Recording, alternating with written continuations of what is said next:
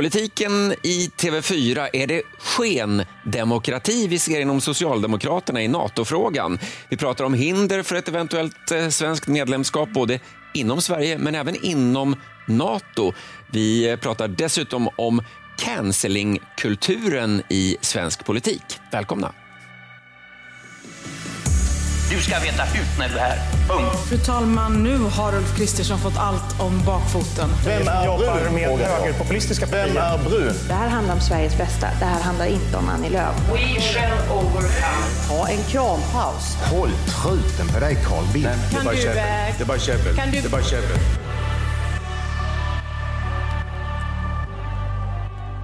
Här i poddstudion har vi inte tid att käbbla en sån här dag. NATO-frågan dominerar ju politiken just nu eh, och för att kunna djupdyka i det här ämnet men ändå komma upp helskinnade till ytan så har vi kallat in Elisabeth Frerot, eh, TV4s utrikeskommentator och Jens B Nordström eh, sitter också här i poddstudion. Varmt välkomna till er och till er som lyssnar och tittar.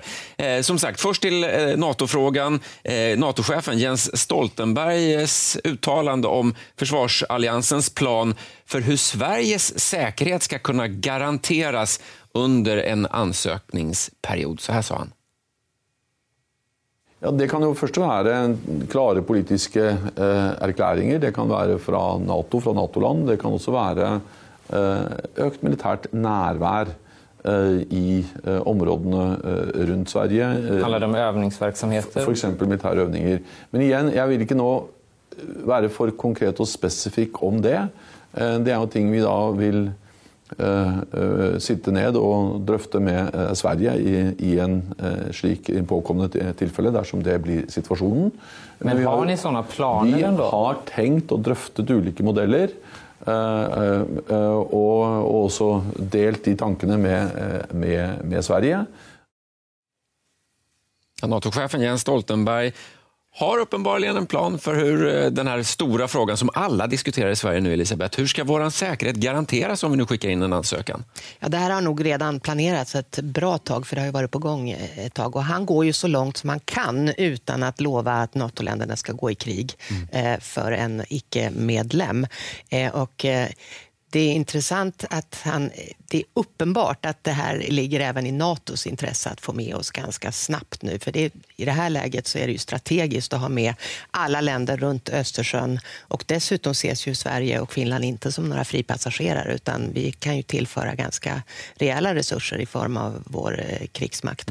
Eh, så att eh, han försöker pressa på så fort som möjligt utan att kunna lova garantier. För det är nästan så att eh, frågan om säkerhetsgarantier är nästan större än frågan om man ska säga ja eller nej till ett medlemskap.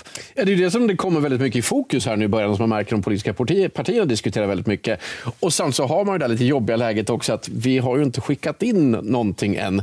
Eh, Så att man pratar om någonting som eventuellt kanske ska hända och så vill man ha så konkreta planer ändå som det går. Ja. Men det är uppenbart att alla liksom, i praktiken tycker att beslutet redan är fattat. Nu är det formaliteter som återstår.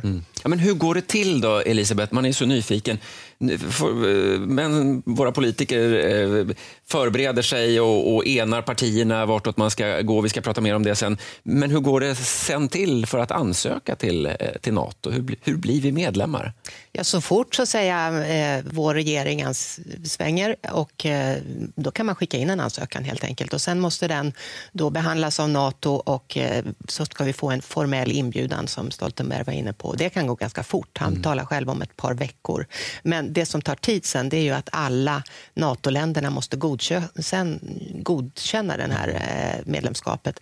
För att Nato är ju ingen överstatlig organisation utan det här ska igenom 30 parlament och det tar förmodligen åtminstone fyra månader. Mm. Men är det därmed givet att vi blir medlemmar då? Det känns ju som att vi själva här hemma i alla fall tar för givet att om bara vi vill så är vi så varmt välkomna. Ja, men vi är eh, välkomna, men, men opinioner svänger ju väldigt fort. Vi har ett fönster just nu eh, när alla NATO-länder faktiskt har lovat att släppa in oss. Eh, men anledningen till att man har så bråttom är att man vet hur fort det kan gå. En oväntad händelse, en påverkanskampanj från Ryssland kan ju påverka inte bara vår opinion i Sverige utan också faktiskt opinionen i Natos medlemsländer. Och sen så märker man också att även fast alla tycker det är bråttom och alla vill pusha på här, så är det ju ändå ett formellt regelverk som omger det här. Det är liksom vissa bo boxar som måste kryssa i och vissa saker måste signera. Och det här tar ju lite tid också. Och när jag lyssnade lite grann på den här Stoltenberg-intervjun och bitvis så låter han som en handläggare på Försäkringskassan som liksom håller på, ja vi måste fortfarande ha in lite fler handlingar innan vi kan fatta beslut här. Mm. Så att det är ju en snårig byråkratisk process i det också. Men vi ska ju komma ihåg att det handlar ju faktiskt inte bara om artikel 5 i Nato och den garantin. Det finns ju också en slags garanti i Lissabonfördraget, vilket innebär att europeiska länder också har ett åtagande att hjälpa varandra om man blir anfallna. Och det är därför det är så väldigt viktigt att Tysklands förbundskansler Olof Scholz till exempel var så tydlig mm. i att stödja Sverige i det här. För att eh, även om artikel 5 inte utlöses så kan ju liksom Tyskland eller Frankrike till exempel också agera själva i en mm. kris. Men har inte den här artikeln ganska stora trovärdighetsproblem? Det känns som att den har ju aldrig prövats i praktiken. Alla säger att jo, den finns, men vågar vi lita på den? Artikel 5? Mm. Eh, den har ju faktiskt använts i praktiken efter 9-11. Eh, då ställde ju alla NATO-länder upp och var beredda att hjälpa USA i detta. Men den har ju aldrig prövats i en så att säga, vanlig krigssituation. Mm. Var det smart av, eh, av NATO-chefen att göra de här uttalandena eh, och tajmingen så att säga, för att alla vill ju ha trygghet i det här beslutet som nu ska tas i Sverige, om vi nu ska gå med eller inte.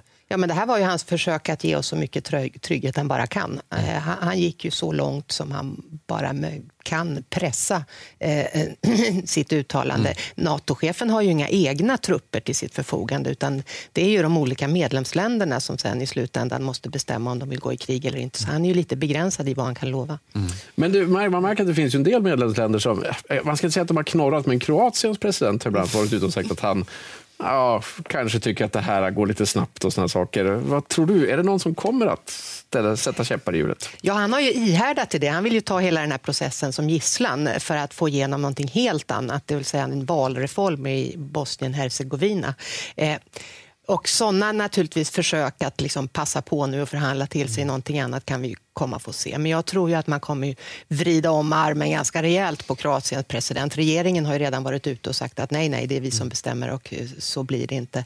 Eh, och det kommer ju vara ett naturligtvis oerhört tryck från USA och från resten av NATO-länderna eh, mot sådana här mm. krångelpellar. Men hur mycket vågar och kan NATO-chefen och NATO vrida om armen? För jag tänker å ena sidan så var ju Stoltenberg tydlig i intervjun det är Sveriges beslut om vi vill gå med. Nato påverkar inte någon, kräver inte att någon, man har fått kritik, inte minst från Ryssland kanske tidigare, eh, NATO-länder som har gått med att, att man tvingar, eh, tvingar in länder i Nato, eh, å ena sidan. Men å andra sidan så är det då rättning i ledet om man väl är, är inne kanske. Ja, han kan ju inte tvinga någon. Eh, det är ju Kroatien själva som bestämmer, men Kroatien är ju inte eniga. I, det är ju bara presidenten som har sagt det här. Regeringen mm. säger någonting annat.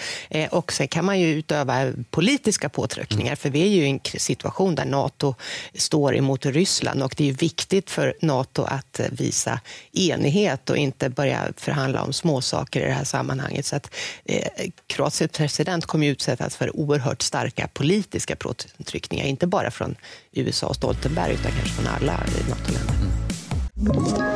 Ett poddtips från Podplay. I fallen jag aldrig glömmer djupdyker Hasse Aro i arbetet bakom några av Sveriges mest uppseendeväckande brottsutredningar går vi in med hemlig telefonavlyssning och, och då upplever vi att vi får en total förändring av hans beteende. Vad är det som händer nu? Vem är det som läcker? Och så säger han att jag är kriminell, jag har varit kriminell i hela mitt liv men att mörda ett barn, där går min gräns. Nya säsongen av Fallen jag aldrig glömmer på Podplay.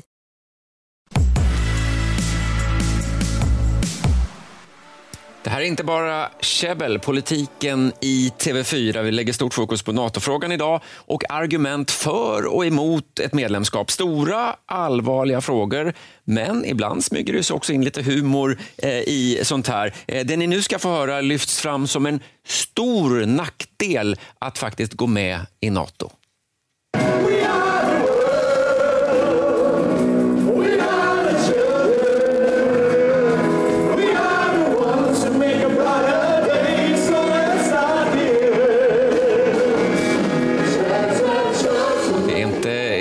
Sköna toner. Du som... menar att de sjunger för dåligt? Jag vet enkelt? inte. Det här är NATO-kören. Det är alltså NATOs utrikesministrar 2015 som försöker sjunga We are the world. Och kanske inte det här blir utrikesminister Ann Lindes eh, främsta eh, trumfkort för ett medlemskap i kören. Där står Stoltenberg också och sjunger. Ni som tittar på podden ser bilderna. Ni andra som lyssnar, ni får höra den här sköna sången. Men det här är ju, även om de kanske, den här föreställningen kanske har vissa brister, så är det, ju ändå, är det ju ändå ganska symboliskt. We are the world är det ju det de sjunger och det är det det handlar om nu. Vad är det för värld vi vill ha? För nu står, plötsligt har ju NATO blivit något helt annat än det var för bara ett halvår sedan. Nu är det ju liksom att vi försvarar eh, den fria västliga världen på ett helt nytt sätt. Så det här var ju lite Jo, men det- jag håller med. Det, det är lite tillbaka till 80-talet där det helt plötsligt liksom började utkristallisera sig två block i världen. På den tiden hette det Warszawapakten. Nu börjar det liksom bli ett nytt block där man sitter och funderar på vart, om det kommer att bli Ryssland och Kina eller fler länder som kommer att ingå det. Men att Ryssland åtminstone börjat isoleras i en egen del av världen på något sätt. Och man kan säga att, och det är ju sällsynt att det är så många liksom tondöva människor på en scen som det var här. Men, men det är ändå så här på något sätt ett visan av enighet att det är vi i alla fall som ska försöka samarbeta. Och det är den här världen vi vill ha. Inte någon annan auktoritär värld. Och jag vet som sagt, beroende på hur eh, utrikesminister Ann Lindes sångröst är, jag vet inte riktigt om hon passar in i den här kören eller inte, men vi får väl se om det blir tillfälle eller inte. Men när vi pratar om eh, processen så riktas ju mycket fokus, Jens, på Socialdemokraternas inre process, eh, vartåt man ska säga. Nu satte statsminister Andersson ett datum, eh, 15 maj väntar alla på nu. Ja, och det här är ju ett datum som har flyttats fram mer än en gång. Den här processen går ju snabbare och snabbare. Och nu börjar ju element i det socialdemokratiska partiet inse att om vi ska ha synpunkter på det här, de som är NATO-kritiker inom Socialdemokraterna, de är ju inte en stor grupp, men de börjar inse att om vi ska påverka den här processen, då har vi egentligen bara nästa vecka på oss. Sen har tåget förmodligen lämnat perrongen. Och det gör att nu börjar, det krång, eh, nu börjar det komma synpunkter på, går inte det här lite väl snabbt? Hur ska vi göra våra röster hörda? Och liknande. Och Det innebär ju också att där svängs ju partipiskan ganska hårt just nu. Att, eh, lite grann märker man när man intervjuar socialdemokrater att den nya talepunkten just nu, det är inte att det är inte så här, gå ut och tala om att ni är för NATO, det, för då skulle man trampa på lite för många ömma tår inom partiet. Utan istället så är talepunkten från Sveavägen just nu, vi är osäkra, det är en stor fråga, vi måste utvärdera. Och problemet är att det här meddelandet har inte nått alla riktigt lika snabbt som man skulle. För jag intervjuade Göran Persson för tre veckor sedan och då hade inte han nåtts av det här budskapet. Vi kan lyssna lite grann på hur det lät. Det är en institution och organisation som jag respekterar men som jag tror att Sverige har tjänat på att stått utanför. I det här fallet eh, med Finland så kan det vara en situation som kommer att påverka oss naturligtvis. Men det får inte göras på ett sådant sätt så att det är de som bestämmer åt oss. Det tror jag vore väldigt olyckligt. Mm, Göran Persson, men eh, det har hänt en del sedan den intervjun gjordes, Jens. Ja, men sen så blev han intervjuad av Dagens Industri bara för någon vecka sedan och då var det andra tongångar. Då sa Göran Persson att ja, jag var tidigare emot NATO, men nu är det ett nytt läge och det här är ett stort och viktigt beslut och då måste man ha respekt för att man kan omvärdera saker och jag har inte bestämt mig på något som helst vis.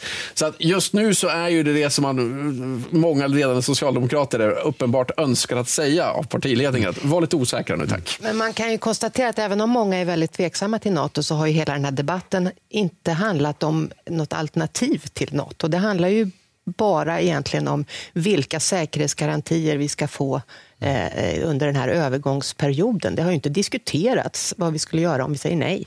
Mm. Och när man ser då, men är det inte sunt att eh, det ändå finns någon form av demokratisk process inom ett parti för att komma fram? Eller menar du att det finns, eh, att partipiskan är så påfallande att De, de som är kritiker till det här, de tycker att det här går för snabbt och det, det här skulle kanske kunna vara ett ämne för en partikongress. Eh, och det skulle ju kunna slita sönder partiet och därför har man ju sagt att det är verkställande utskottet som ska fatta beslutet. Och det är ju demokrati på många sätt också, att verkställande utskottet ska ju representera medlemmarna. Men synpunkterna har ju framförallt varit att går inte det här lite väl snabbt och borde man inte lyssna in medlemmarna mer? Och man märker också, jag intervjuade Tobias Baudin när Socialdemokraterna inte presenterade sin valslogan och då pratade vi lite grann så här bakom. Mm. Och Det var ganska intressant att höra vad han lyfte fram. Och Han sa ju omedelbart, att, och jag misstänker att det är det han säger bakom kulisserna just nu, att man blir ju inte socialdemokrat för att NATO är den viktigaste frågan. Det finns andra saker som driver på en för att bli socialdemokrat. Och han plockade fram att på 80-talet då hade vi enormt försvarsspenderande under Olof Palme. Och han gick till och med så långt så att han dammade av det här gamla svenska atombombsprojektet på 50-talet som Socialdemokraterna var med att ja, nej, det här var ju någonting som vi funderade på. Och Det är ju någonting som Socialdemokraterna egentligen aldrig har lyft fram. Ändå nämnde Tobias Baudin när vi pratade. Så att här märker man att nu försöker man mjuka upp partiet och säga kanske är inte det så farligt. Visst, vi har inte tyckt så här tidigare, men det kanske inte behöver vara en enorm strid mot vår parti-DNA. Är det skendemokrati det här? det, man kan säga att i opinionsundersökningar så är det ungefär 20 procent av Socialdemokraternas väljare som är verkligen benhårt. Och den siffran har inte ändrat sig.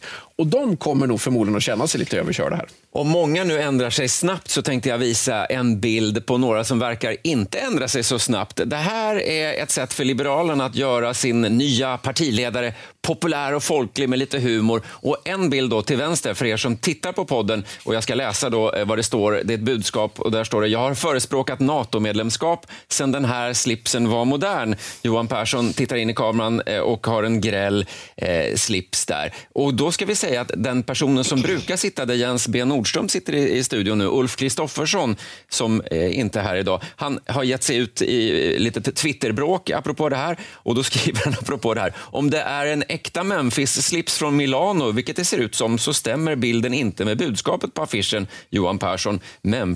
Memphis-slipsarna tillverkades 1980 till 87 och ni började förespråka NATO-medlemskap 1999, alltså mer än tio år sedan. Det var en liten spaning. Håkai Kristoffersson slår till igen.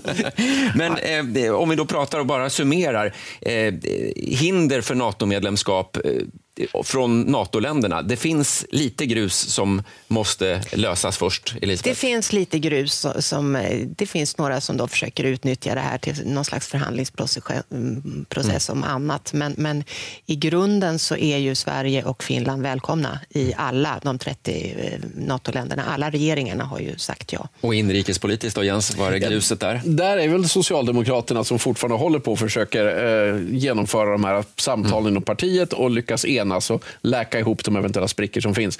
Och där märker man att de övriga partierna håller ju lite grann klaffen just nu för att inte störa den här processen. Det är ganska ovanligt. Jag tror det kliar rätt mycket i fingrarna på ett antal moderater och kristdemokrater att gå ut och liksom puckla på dem. Men där tror jag man gör kalkylen faktiskt att det är bättre att låta Socialdemokraterna hantera det här själva så kanske det blir lättare för dem att nå det resultat vi vill. Men vi kan ju konstatera att om vi blir NATO-medlemmar så är vi den mest motvilliga NATO-medlemmen som någonsin har ingått i den här försvarsalliansen. Alla andra länder har ju liksom i åratal lobbat och kämpat och tjatat för att kunna bli medlemmar i NATO. Vi liksom tar lite rygg på Finland och som lite motvilligt, okej okay då. Liksom. Mm. Okay. Vi åker med fast eh, ja. vi kommer att gnälla hela vägen. Mm. Nu ska vi prata om ett begrepp som inte alla känner igen. Cancellingkulturen. Vad betyder det då, tänker ni? Jo, eh, den växer inom politiken. Eh, det är en form av bojkott mot en person som anses ha agerat eller uttryckt sig på ett eh, kontroversiellt sätt. Och Jens, det här har vi sett eh, på lite olika sätt den här veckan. Nej, men eh, det här har började egentligen med Ellegalan, en stor modegala där Ebba Busch först var inbjuden och sen blev hon avinbjuden efter hennes uttalande om att polisen borde agerat hårdare och kanske var, hon ställde frågan varför det inte fanns fler eh, skadade demonstranter, att polisen borde ha gått hårdare fram där. Och det här ledde ju till ganska stor debatt och då drogs hennes inbjudan tillbaka. och eh, då var ju frågan, Programledaren Kakan Hermansson eh, var, ledde ju Elgalan och det kom ganska snabbt ihärdiga medierykten att hon hade drivit på det här. Mm. Sen kommer då rond två i det här bråket och det är att Sverigedemokraterna skulle medverka på Järvaveckan. De, eh, Järvaveckan skickade ut ett pressmeddelande att Jimmy Åkesson kommer att tala på Järvaveckan och sen bara 40 minuter efteråt så skickar eh, Jimmy Åkesson ut att jag har sett att Kakan Hermansson ska eh, konferencier här. Nu får ni välja Kakan eller mig. Mm. Eh, och gör någon slags tillbaka-kaka, är väl rubriken som alla älskat att sätta på den här. Ja.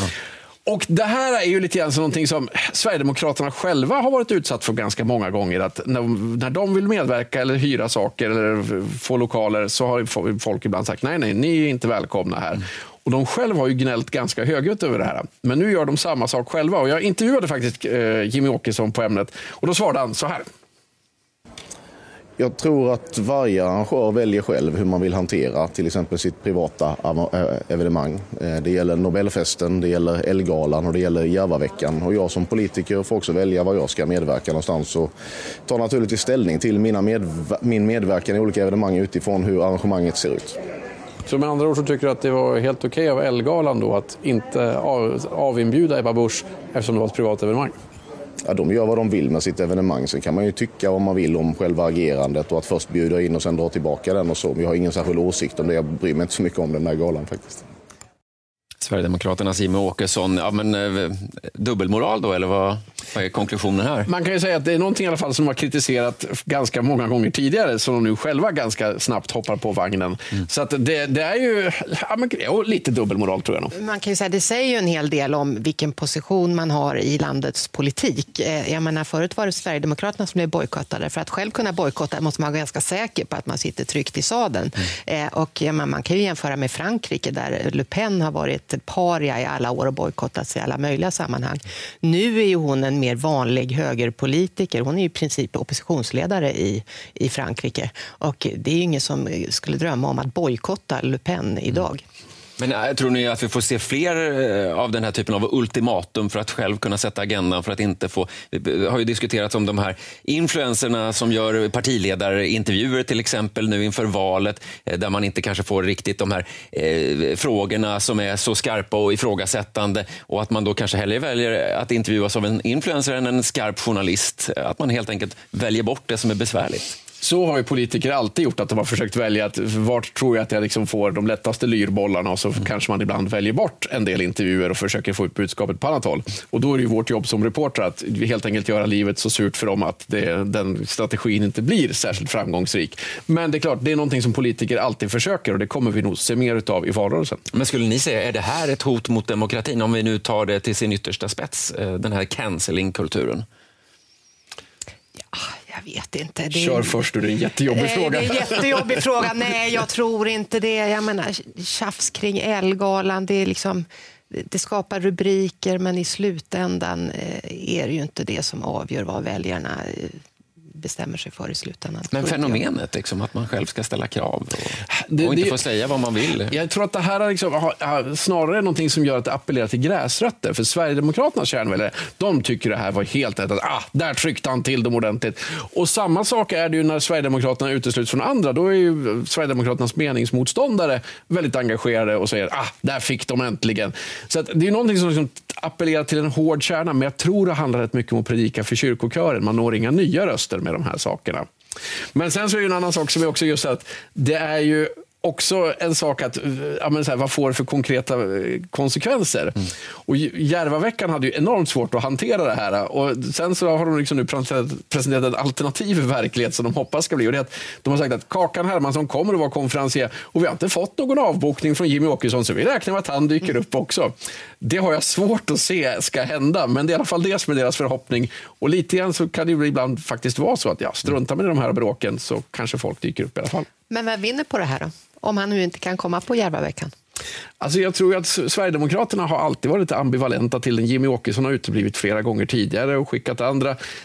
Jag får en känsla av att de tycker inte att det här är ett evenemang som når särskilt många nya väljare. Däremot så kan det vara ett bra tillfälle att elda upp eh, väljarbasen. Här har vi eh, programnamnet intecknat. Här är käbblet helt enkelt vad gäller cancellingkulturen. Vi ska säga att vi har sökt Kakan Hermansson här på TV4 i flera dagar nu. Vi har inte fått någon kommentar från henne, eh, så har vi det sagt i alla fall. Jens B Nordström, eh, Elisabeth Fredå, tack för att ni tog er till poddstudion, inte bara käbbelpolitiken i TV4. Mejla oss gärna.